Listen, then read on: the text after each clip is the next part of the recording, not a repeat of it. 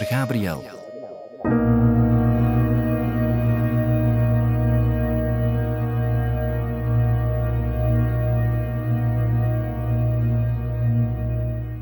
Ik weet weer waarom ik nooit zuster ben geworden.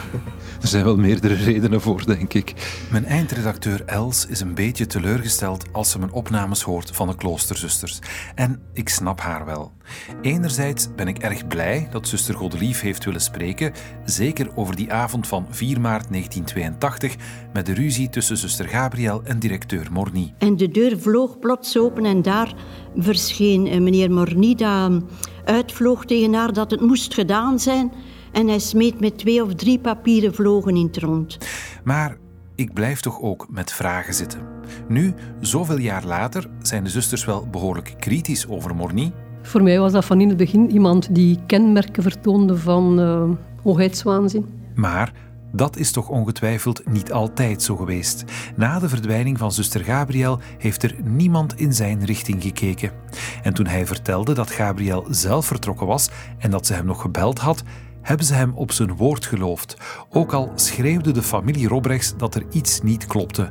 Maar de zusters die bleven er gelaten bij. Zanderdags hebben wij daar niets over gezegd. Niets. Dat was zo de gewoonte, dat wij er veel zwegen dus. Allee, stel nu hier op de redactie. Iemand verdwijnt hier van vandaag op morgen. Spoorloos? Dan gaat het toch niet zeggen, goh ja, dat zijn mijn zaken niet. Allee, dan laten ze dat toch niet zomaar passeren. Je wilt toch weten wat er gebeurd is. Allee, ik snap wel wat je zegt. Hè. Er is een hiërarchie en het is een andere tijd. En allemaal waar. Het is misschien een raar woord als het over zusters gaat, maar dat gaat wel over een rechtstreekse collega, toch? Hè? Dat vind ik heel moeilijk om mij daarin in te leven dat, dat iedereen daar dan zoiets van heeft van, oh goh, ja. Natuurlijk, we hebben drie zusters gehoord. Eén van hen was er toen nog niet, de andere zat in een klooster in Gent en de derde was er wel, maar stond laag in de hiërarchie en wist dus eigenlijk niet veel. Ik deed gewoon mijn werk als kleuterleidster, maar meer niet. Meer weet ik niet nu. Eigenlijk ben ik een persoon dat me daarvan niets aantrekt. Ben ik niet bezig geweest, wat doet die zuster of wat doet die zuster, rechtuit gezegd. Maar meer niet, verder niet, absoluut niet. Echt waar, ik kan daar echt niets over zeggen. Het is ook al zo lang geleden. Hè. Meer weet ik niet nu. Maar zoals ik al zei, volgens mij heeft zuster Godelieve niet alles verteld. Want ik heb me uiteraard geïnformeerd voor ik naar het klooster ging. En zo ben ik te weten gekomen dat verschillende zusters verhoord zijn door de politie tijdens het tweede onderzoek in de jaren 90. Uiteraard zijn ze verhoord, zou je denken, maar in 1982 was dat nog niet gebeurd. Bij die zusters was ook zuster Godelieve. En daarom heb ik haar er ook een vraag over gesteld. Bent u ook ondervraagd? Dat toch, nee. Niet naar Aalst moeten gaan of de, de, de speurders zijn niet naar hier gekomen? Ik ben naar Aalst niet geweest. Ik ben naar Aalst niet geweest. Dus jullie zijn ook niet tegenover hem dan gezet of zo om... om... Nee, absoluut niet. Nee. Ze is niet naar Aalst gegaan bij de gerechtelijke politie en ze is ook nooit met Morny geconfronteerd. Dat zegt zuster Godelieve, maar het klopt niet. Want dat is wel gebeurd. Ook die confrontatie. In maart 1992 is zuster Godelieve samen met zes andere zusters tegenover directeur Morny gezet om hun verklaringen met elkaar te vergelijken. Waarom zou ze daarover liegen? Pas op, mijn bron zegt me dat zuster Godelieve tegen de politie eigenlijk hetzelfde heeft gezegd als tegen mij. Dat ze die ruzie heeft meegemaakt en dat ze erg geschrokken was. Niks wereldschokkends dus. Maar waarom zegt ze dat dan niet? Weet ze echt niet meer dat ze verhoord is? Of spreekt ze er liever niet meer over? En ik dacht iedere dag, was zij er nu weer onbekokstoven om de zusters te treiteren. Een moerneer noem ik dat. Allemaal onze moraal kapot maken. Het was niet zo eenvoudig voor kloosterzusters om zomaar in te gaan tegen hun mannelijk directeur. Ik ben Filip Heijmans en je luistert naar Waar is zuster Gabriel?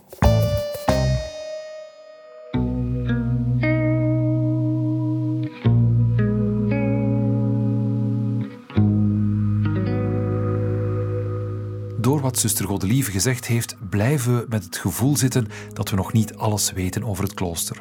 Els en ik zien een paar mogelijkheden om meer te weten te komen. Ten eerste, hoger op in de hiërarchie, bij de bisschop van Gent, die verantwoordelijk is voor het klooster in Dendermonde.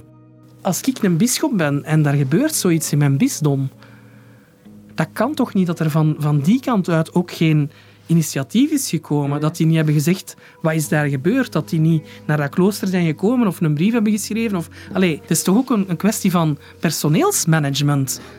Nee?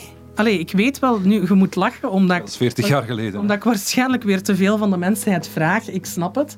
Maar als je een goede baas bent, zelfs als je ervan uitgaat, dat zal wel zijn wat er is gebeurd. Ze is verliefd geworden, ze durfde dat niet zeggen en ze is gaan lopen. Zelfs als je dat gelooft, dan nog wilde toch eens naar dat klooster en wilde toch eens zeggen van ja, hoe is dat kunnen gebeuren en, en, en waarom is ze dan zomaar hals over kop vertrokken en dan gaat het toch ook eens met die familie praten. Daarnaast denken we dat we ook eens in de archieven moeten duiken. Het KADOK in Leuven, die hebben wel veel archieven van zo christelijke instellingen en zo. Misschien is dat wel een optie om eens te vragen aan, aan hen of dat zij niet zo documenten uit verleden of correspondentie van de jaren stilletjes... Allee, ik weet het niet, hè. maar dat is wel iets wat zij doen. Het KADOK dat is het Documentatie- en Onderzoekscentrum voor Religie, Cultuur en Samenleving van de Katholieke Universiteit Leuven. Via hun website zie ik dat zij het archief van het Sint-Vincentiusklooster in bewaring hebben gekregen. Ik contacteer hen en ze sturen me een lijst van alles wat ze hebben. We zijn welkom om het archief van het klooster in te kijken.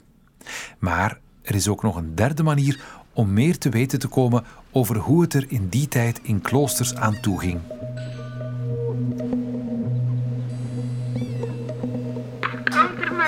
Dankjewel. Ik ga op bezoek bij Josephine Blommaert.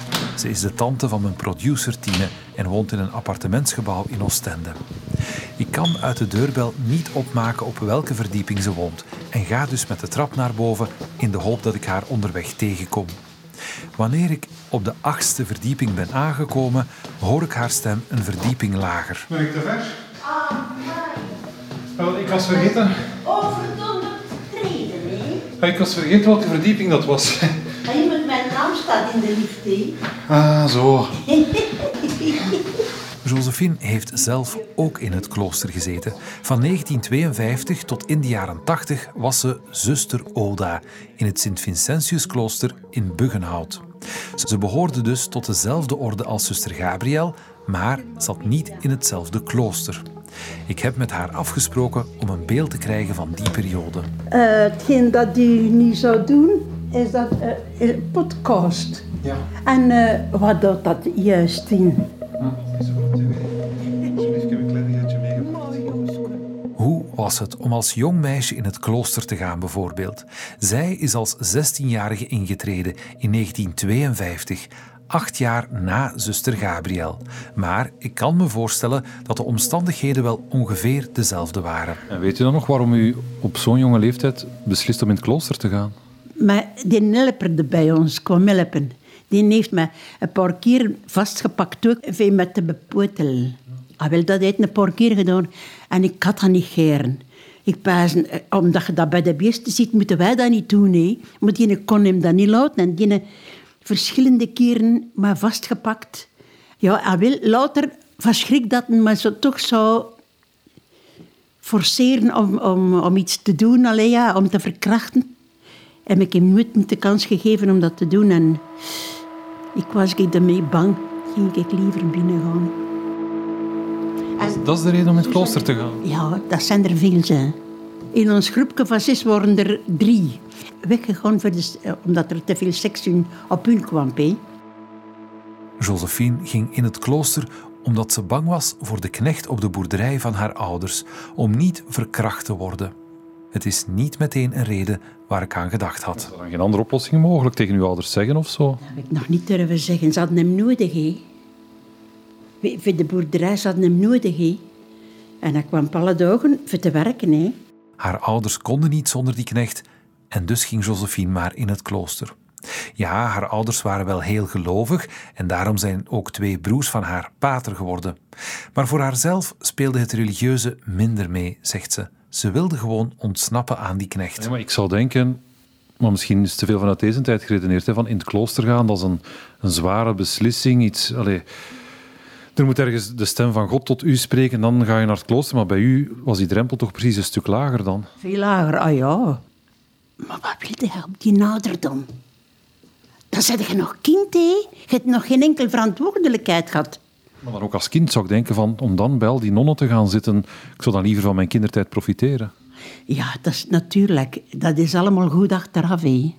Maar het is waar, ik heb mijn jeugd... Als ik een keer ging met de gastjes weggaan, met, met, met, met dan gingen wij aan het café op de dorpel gaan zitten, voor te horen en te zien dat ze dansten. Dat, dat is al, en op de kermis een keer gaan, dat is al dat, dat wij hadden. Dat kun je niet vergelijken met nu, hè. Nee, hè.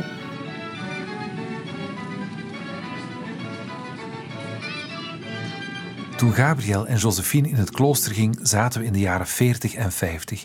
Jaren van oorlog, heropbouw en armoede. Josephine was 16 en er viel weinig tot niks te beleven in haar wereld. Voor meisjes zoals zij was het klooster gewoon een optie zoals alle anderen. Ik ben in het jaar 36 geboren, dus dat was nog zo Hè. Wanneer is de vooruitgang gekomen in de jaren 60? Hè? Is alles veranderd? Hoe het voor Gabriel is gegaan, weet ze niet zeker. Ze kent haar trouwens wel. Haar familie woonde schuin tegenover de familie van Gabriel. Misschien is zij in het klooster gegaan door de honger tijdens de Tweede Wereldoorlog, denkt ze. Ik denk al hier dat zou kunnen zijn van honger. Dat bestond vroeger ook, van honger, ja. Maar wij hadden natuurlijk geen honger. Wij, hadden, we hebben niet geweten dat het oorlog was. Omdat jullie een boerderij hadden. Ja. En wij hadden alles op de boerderij, boter en alles. Hè. Er is ook een verhaal dat ik vaak gelezen heb, waarbij Gabriel het klooster zou zijn ingegaan om te vluchten voor de Duitse bezetter. Ze zou affiches voor het verzet hebben opgehangen en de nazi's zouden haar op het spoor geweest zijn. Maar ik weet niet van waar het verhaal komt en heb niemand gevonden die er meer van afweet. Josephine vond het alleszins opmerkelijk dat iemand van de familie Robrechts in het klooster ging. Want die familie, en vooral dan de vader van zuster Gabriel, had een slechte naam. Dat verwondert mij ook nog, want die hadden een slechte naam. Hun vader was... Giltstraat was bang van hun vader. Dat was een oorlogsinvalide en die liep dus zijn been af, één been af, en met een grote kruk. En met die kruk sloeg hij naar ons. Giltstraat was bang van haar vader. En wij noemden hem de Brut. De Brut. Het was een ruige familie. Een ruige familie, een ruige familie. De Bruut, of de Ruige, zoals Gabriels zuster Monique zei, de vader van zuster Gabriel was duidelijk een opmerkelijke figuur. Maar terug naar Josephine's ervaringen in het klooster. Voor alle duidelijkheid nog eens, wel in dezelfde orde als zuster Gabriel, maar in een ander klooster. Ik weet dus niet of het er bij zuster Gabriel op dezelfde manier aan toe ging. In elk geval, als jonge zuster moest Josephine vooral heel veel werken. En ze hebben zelf van mij zoveel geprofiteerd van die anderen allemaal. Hè. Werkend een hele dag. Buiten de gebeden. Hè. Alles moest onderhouden worden door de jonge nonnetjes. Jaar na een stuk hebben we allemaal gekuist. Wassen en strijken. Alles, zelfs matrassen allemaal lopen doen en al die wol allemaal plukken. Ja, al dat er kon gebeuren, moesten wij doen. Maar dat vond ik allemaal pff, niet erg. Dat was niet zwaarder dan op de boerderij. Ik deed het allemaal om ter liever. Ik heb alle scheren gedaan. Er is ook veel afgunst, vindt ze. De zusters die lesgeven kijken neer op de zusters die als thuisverpleegster werken. Ik heb zoveel meegemaakt. Ik heb zelf ik kan er niet meer appelen op mijn kop gekregen van boven op een trap. Dat ze van daaruit uitgoot naar mij. Dat neemde er allemaal bij. Ja, waarom? Ah, agressie, de, de vrouwen kunnen ook agressief zijn hè, als ze een goesting niet krijgen. En als ze gefrustreerd zijn van bepaalde zaken. Ik heb ook bekend een pot vol urine over mijn kop gekregen op een dortoir. Ja, ja, dat komt er allemaal bij. Ja, ja. ja dat is overal zo. pa. Overal iets anders. Maar dat zijn allemaal vrouwen die niet van hetzelfde huis zouden komen. En daar allemaal bijeen steken. Elk heeft zijn eigen karakter. Dat is niet voor te lachen, hè. Een emmer appelen en een pot urine over haar hoofd. En als je aan de overste iets wilde gaan vragen, moest je op je knieën de kamer binnengaan en wachten tot je het woord kreeg. Ik heb jaren aan een stuk achter die overste in de kapel moeten zitten voor de mis en voor het gebed. En ik dacht, iedere dag was ze er nu weer bekokstoven om de zusters te treiteren. En dan zei ik er dan ook bij, een wit gekalkt graf. Een moordenaar noem ik dat. Allemaal onze moraal kapot maken. Maar uh, dat is dus overal in de kloosters dat ze daar met de karakters af te rekenen hebben. Hè. Karakters zijn allemaal anders.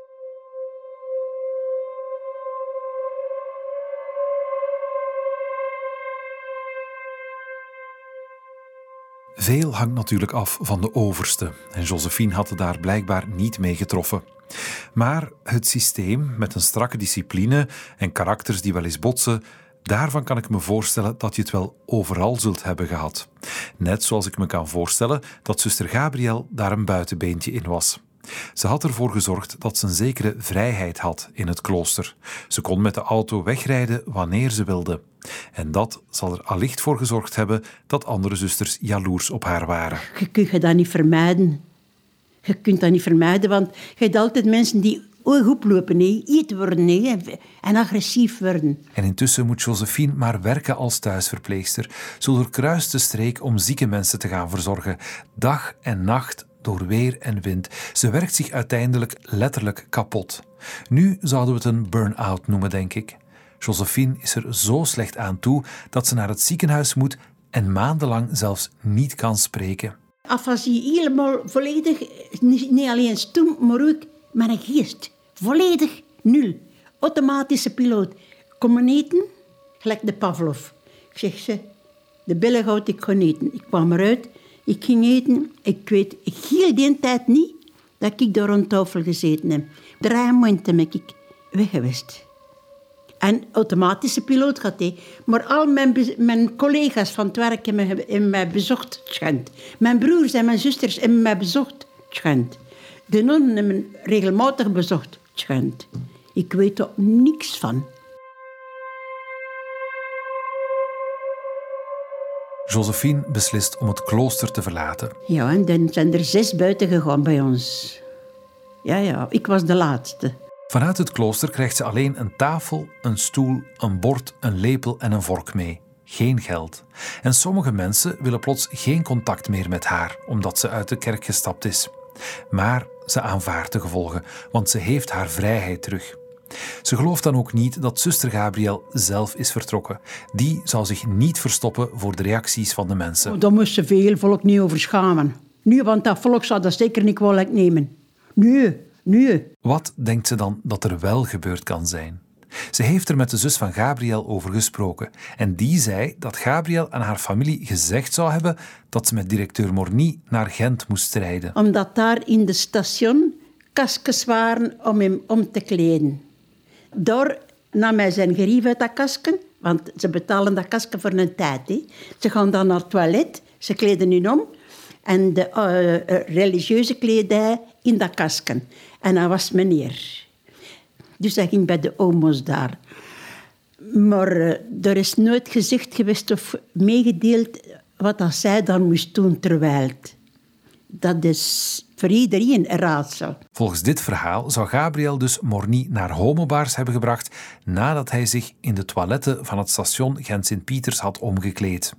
En ze zou hem daarmee gechanteerd hebben.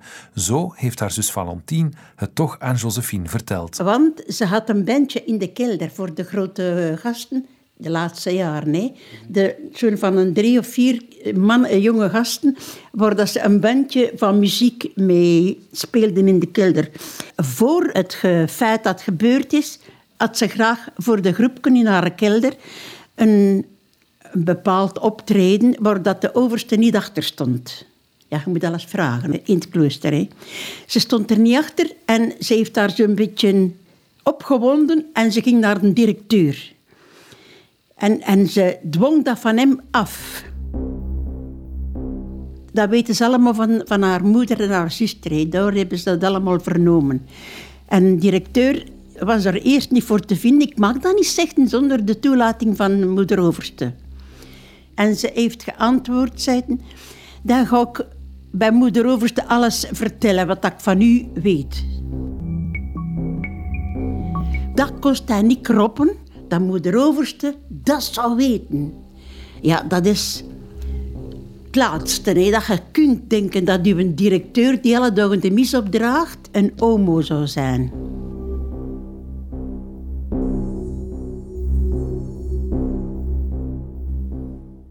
Ik vind het een raar verhaal, eerlijk gezegd.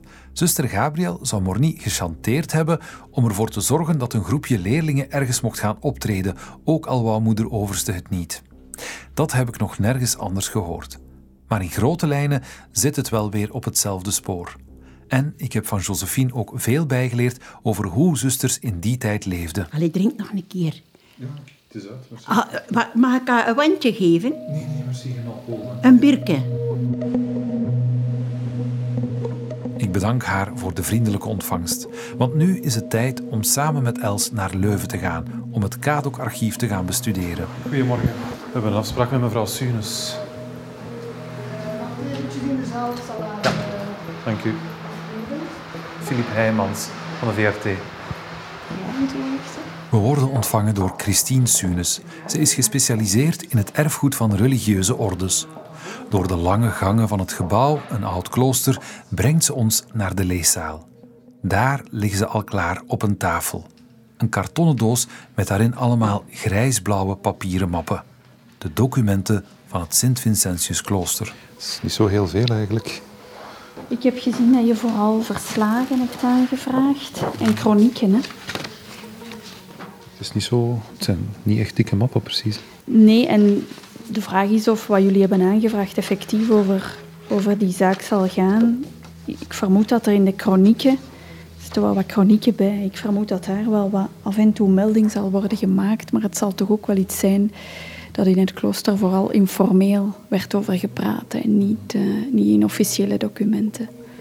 Ik denk, wij hadden misschien een beetje gehoopt dat er misschien zo correspondentie of, of misschien zelfs dagboeken of, of notulen van vergaderingen of zo zouden ingezeten hebben, die, waar dat we waarschijnlijk meer aan zouden hebben. Nu, die chronieken en de verslagen die jullie hebben aangevraagd, daar kan wel iets tussen zitten, maar het zal, eh, het zal een speurwerk worden voor een aantal fragmentjes.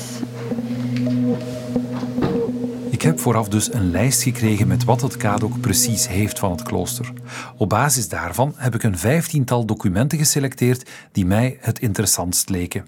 Dus niet de archieven uit de 19e eeuw of de rondzendbrieven van het bisdom uit de jaren 50. Wel allerlei documenten vanaf de late jaren 70 tot nu. Die lijst is dan aan het klooster bezorgd, want zij moesten toestemming geven om ze in te kijken. Weet u of het voor het klooster een probleem was dat wij die documenten kwamen inkijken? Nee, ik denk dat ze heel vlot toestemming hebben gegeven. Behalve voor één document dan, dat ik niet mag inkijken. Het boek met alle verslagen van de VZW. Dat had ik aangevraagd om zicht te krijgen op de boekhouding van het klooster. Misschien, als er gesjoemeld zou zijn, had ik dat daar kunnen vinden. Dat zal gaan over het beheren van hun goederen in de laatste 30, 40 jaar. Dus ik begrijp wel dat ze dat niet zomaar op tafel willen gooien. Maar ik, dat zal eerder vanuit dat oogpunt zijn dan vanuit dat daar iets zou instaan over deze zaak. Want ik heb zelf de overdracht van dit archief naar Kadok geregeld en die zaak is uiteraard ter sprake gekomen. Ik heb niet de indruk dat de zusters hier iets meer over weten. Voor hen is dit een even groot mysterie dan voor de gemiddelde, gemiddelde Dendermondenaar of, of jullie die daar nu mee bezig zijn. Binnen de congregatie heeft meer het idee geleefd dat de zuster gewoon vertrokken is. Eerder dan dat daar iets zou overkomen zijn. Maar goed, het is wel heel vreemd dat ze dan nooit meer iets van haar gehoord hebben. Nu, dat kan natuurlijk ook een verhaal zijn dat zij toen hebben ja, ge- geconstrueerd om, om dat voor zichzelf een, een plaats te geven, zonder dat ze daar zelf meer over wisten. Wat voor hen inderdaad een even groot mysterie was. Ja, en toch ook wel een traumatische gebeurtenis. Met, met de directeur waar duidelijk wel het een en het ander verkeerd mee liep. Ehm, je moet dat ook zien in, in, in die hiërarchische constructies die toen in, in het kloosterleven bestonden. Hè. Het was niet zo eenvoudig voor kloosterzusters, vrouwen, om zomaar in te gaan tegen hun mannelijk directeur. En als daar dan een dergelijk conflict dat er waarschijnlijk toch geweest is, dat heb ik uit de dat heb ik ook gewoon uit de krantenknipsels vernomen, dat dat toch voor hen niet eenvoudig was om daarmee om te gaan, om dat te rapporteren, om, ja, om dat zomaar op tafel te gooien. Dus ja, ik denk dat dat binnen de congregatie toch ook wel een trauma is geweest.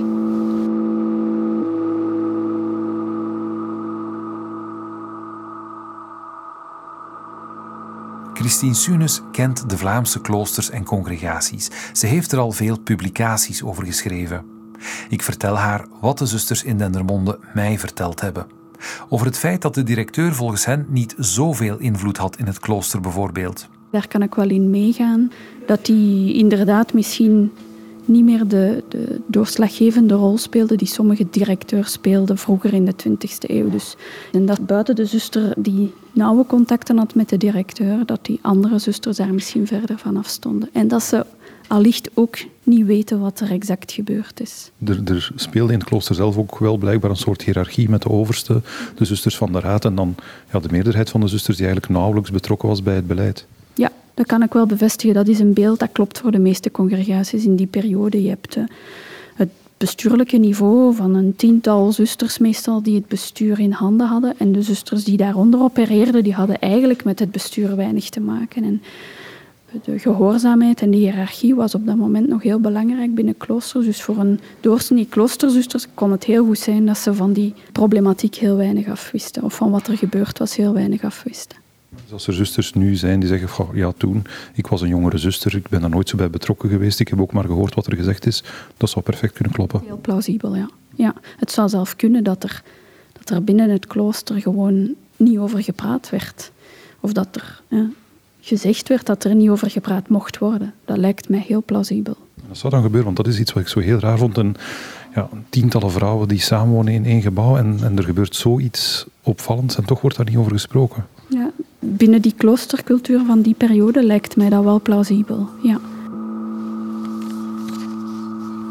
Er zal misschien wel onder de zusters daarover gepraat zijn, maar ik denk dat je niet mag miskijken op wat individuele zusters van elkaar afwisten. Vele zusters hadden hun eigen leven, hun eigen project en ze leefden wel samen, maar er was wel een, een cultuur van iedereen beperkt zich tot zijn eigen taak en tot zijn eigen leven. En die echte cultuur van wel een gemeenschap, in de menselijke zin van het woord, dat is toch iets dat zich pas later heeft ontwikkeld. Er was een heel sterk, een heel rigide systeem van iedereen doet zijn eigen taak. En de lijnen worden uitgezet van bovenuit. Wat de zusters mij ook zeiden van ja, we gaven allemaal les of we deden ziekenzorg en we zagen elkaar bij de maaltijden, maar eigenlijk daarbuiten hadden wij weinig contact met elkaar. Dat, dat klopt eigenlijk en dat verbaast, omdat het is een gemeenschapsleven, maar eigenlijk waren die zo opgeslorpt door gebedsleven aan meerdere keren per dag en door hun professionele leven, dat er voor contact, individueel contact, weinig plaats bleef. En dat er ook vanuit de congregatie werd op toegezien dat er niet te veel individuele contacten waren, dat er niet te veel klikjes ontstonden, dat dat eigenlijk als groep gemakkelijk te managen bleef. Maar binnen de raad en binnen die, dat bestuurlijk niveau moet er toch wel gepraat zijn over wat er gebeurd is. Dat kan moeilijk anders.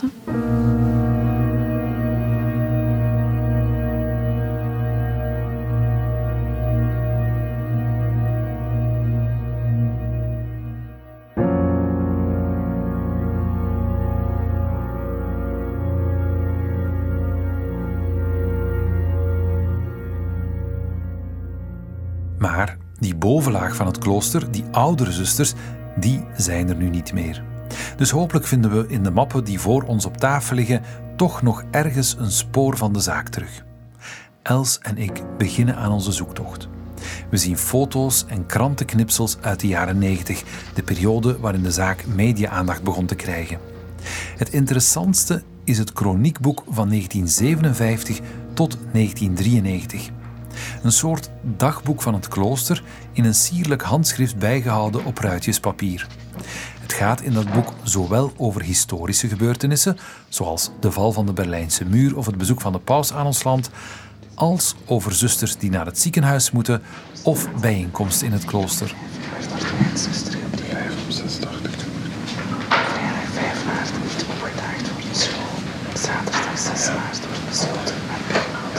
85. ruzie en vrijdag 5 maart is ze. Ja, sorry, we waren lang niet alleen in de leeszaal, dus we moesten stilspreken. Maar er staat dus... In de nacht van 4 op 5 maart verdwijnt onze zuster Gabriel, tussen haakjes G. Robrechts. Ze is op vrijdag 5 maart niet opgedaagd voor de school en via de deur van haar kamer opengebroken te hebben, vindt eerwaarde moeder de kamer leeg. Opzoekingen baten niet. Einde citaat. Een dag later staat er dat de overste de familie van zuster Gabriel is gaan bezoeken om te horen of zij meer weten. Ik lees nog even voor. Niets baat. BOB, dat is de Rijkswacht, wordt verwittigd. Ze blijft vermist. De Heer heeft ons nogmaals zwaar beproefd. Bidden we om licht en klaarheid in die duistere zaak. Einde citaat. Dus al meteen op 6 maart staat er in het kroniekboek dat de politie verwittigd is. Wat volgens mij niet klopt. Er valt in elk geval geen spoor van terug te vinden. Pas wanneer de familie van zuster Gabriel naar het gerecht stapt, begint er een onderzoek. Maar de zusters hebben het dus wel te horen gekregen, net zoals de familie van zuster Gabriel. Het blijft dan even stil over de zaak in het kroniekboek. Op 6 juli, vier maanden na de verdwijning, staat er BOB van Aalst. Onderzoek geval G. Robrechts. 9.30 tot 12.30. Dat is het bezoek van Denis Bourdoudouis. Zuster Gabriel. Geval Germijn Robrechts. Dat vind ik op zich ook al sprekend. Op vier maanden tijd is onze zuster Gabriel dus plots veranderd in het geval G. Robrechts. Opmerkelijk. Later volgen nog een paar meldingen over de politie die is langsgekomen, maar voor de rest geen echt belangrijke informatie meer in het kroniekboek. We vinden wel nog het persoonlijke dossier van zuster Gabriel, maar neem het woord dossier met een korreltje zout. Het is maar één blad. Eigenlijk een fiche die alle zusters bij hun intrede moesten invullen. Dat is alles wat er in haar persoonlijk dossier zit. Het gebeurt wel vaker in archieven van religieuze congregaties dat er van de individuele leden heel weinig is bewaard, omdat er in vele congregaties toch wel een sfeer leefde van, van de individuen gaan we niet te veel bewaren. Dat er ook heel vaak als zusters overleden of als zusters uittraden, dat documenten die betrekking hadden op die zusters gewoon vernietigd werden. Dat was wel een courante praktijk in kloosters. Zuster Gabriel heeft haar fiche ingevuld op 7 december 1943. Ze is dan bijna 18. Ze schrijft dat ze vanaf haar 15 jaar een roeping voelt ten gevolge van een predikatie over de roeping. Als taak kiest ze voor opvoeding en onderwijs der kinderen.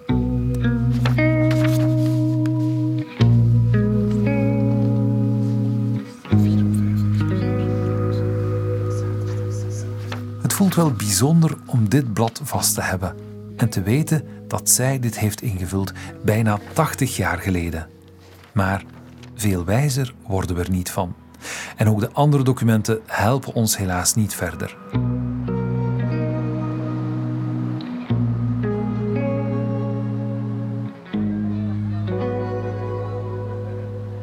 Els en ik bespreken het achteraf op een terrasje in Leuven. En En ja, ik denk dat het een beetje was wat we gevreesd hadden. Hè? Dat we niet echt veel gingen zien.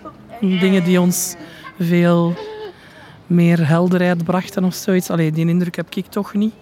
Dat we dingen hebben gevonden waarvan we dachten, amai, kijk, dat hadden we nooit geweten als we hier niet waren geweest. Het waren ook maar een paar mapjes, heel veel foto's wel, vond ik. Maar ja, daar hebben we niet veel aan. Ehm, ja, ik vond het wel leuk, dat document. Enfin, haar, haar persoonlijk archief was maar één blad, maar ik vond het wel leuk om zo een document te zien van haar intrede, waar ze op een paar vragen moet antwoorden. Het was heel beknopt, maar ik, vind, ik vond het wel mooi om zo haar handschrift uit 1943 zal dan geweest zijn, om dat zo eens te zien en haar redenen om in te treden. Ja, dat noemen ze de historische sensatie, Filip. Dat je ergens zijt of iets vast hebt en plots beseft dat mensen zoveel jaar geleden daar ook hebben gestaan of dat ook hebben vastgehouden. Ja, dat noemen ze de historische sensatie. Ja, het zal dat gevoel geweest zijn zeker, van toch een beetje dichter bij haar gekomen. Hetzelfde als op het Forum Romanum staan eigenlijk, maar dan van een andere orde. Maar het idee is wel hetzelfde, van ik ben nu ergens waar 2000 jaar geleden ook mensen over de stenen liepen. En dit had ook wel zoiets, vond ik, in, niet alleen bij dat document van haar, vond ik. Ook zo bij die handgeschreven chroniek had ik dat ook wel zo van iemand die al die jaren dat heeft ingevuld en opgeschreven wat er allemaal gebeurde. En wij die dat nu lezen. Waardoor wie het ook was die dat geschreven heeft, want dat weten we niet, haar werk toch niet voor niks is geweest. Hè? Want het heeft nog ergens voor gediend. Dat is mooi, maar het helpt ons dus niet echt vooruit. En over directeur Morny hebben we ook niet veel gevonden. De dag van zijn intreding stond wel in het chroniekboek, de viering van zijn jubileum en er zaten ook wat foto's bij allerlei gelegenheden. En op 9 mei 1991, onze lieve Heer Hemelvaart, lezen we in het chroniekboek Na de communiteitsmis deelt eerwaarde heer directeur Morny zijn ontslag als directeur aan. Een maand later gaat Morny op rust naar Wustwezel, ver van Dendermonde. Op 2 oktober ontmoeten de zusters hun nieuwe directeur. De zuster archivaris schrijft dat hij belooft om voor allen een geestelijke vernieuwing te brengen.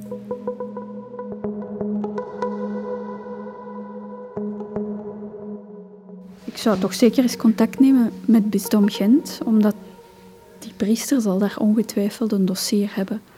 Dus dat zit bij hen zelf, dan dat zijn geen dingen die we hier gaan vinden. We willen niet hier vinden, wij bewaren geen, geen bisdomsarchieven. Dus alles wat betrekking heeft op priesters van het bisdom, dat zal in het archief van het bisdom zitten. En ik vermoed dat er wel, er zal ongetwijfeld correspondentie of contacten zijn geweest, maar er is niet noodzakelijk veel van bewaard. Die priester kwam oorspronkelijk uit de abdij van Grimbergen, het was een Norbertijn. Ik heb eens zitten zoeken online, maar daar vond ik precies ook niet heel veel materiaal van terug bij jullie. Het archief van de abdij van Grimbergen hebben wij inderdaad niet. Dat zit dan nog bij de paters in Grimbergen. Acht u de kans dat als we bijvoorbeeld in Grimbergen of bij het bisdom vragen om daar naar te mogen kijken, dat we daar toestemming voor zouden krijgen? Dat is redelijk onwaarschijnlijk, denk ik, gezien het toch wel een, in historische termen over een recente gebeurtenis gaat. En het gaat over individuele dossiers en persoonsgegevens. Dus ik vermoed dat ze daar wel uh, niet zo makkelijk gaan op ingaan. Redelijk onwaarschijnlijk, dat belooft. Maar we moeten het wel proberen. Bij het bisdom en op andere plaatsen. Meer te weten komen over eerwaarde heer Gaston Morny. Wat klopt er van alle dingen die over hem worden beweerd? Daar is ze betrapt geworden met kinderen en is ze dan door het aardbisdom verplaatst naar Dendermonde.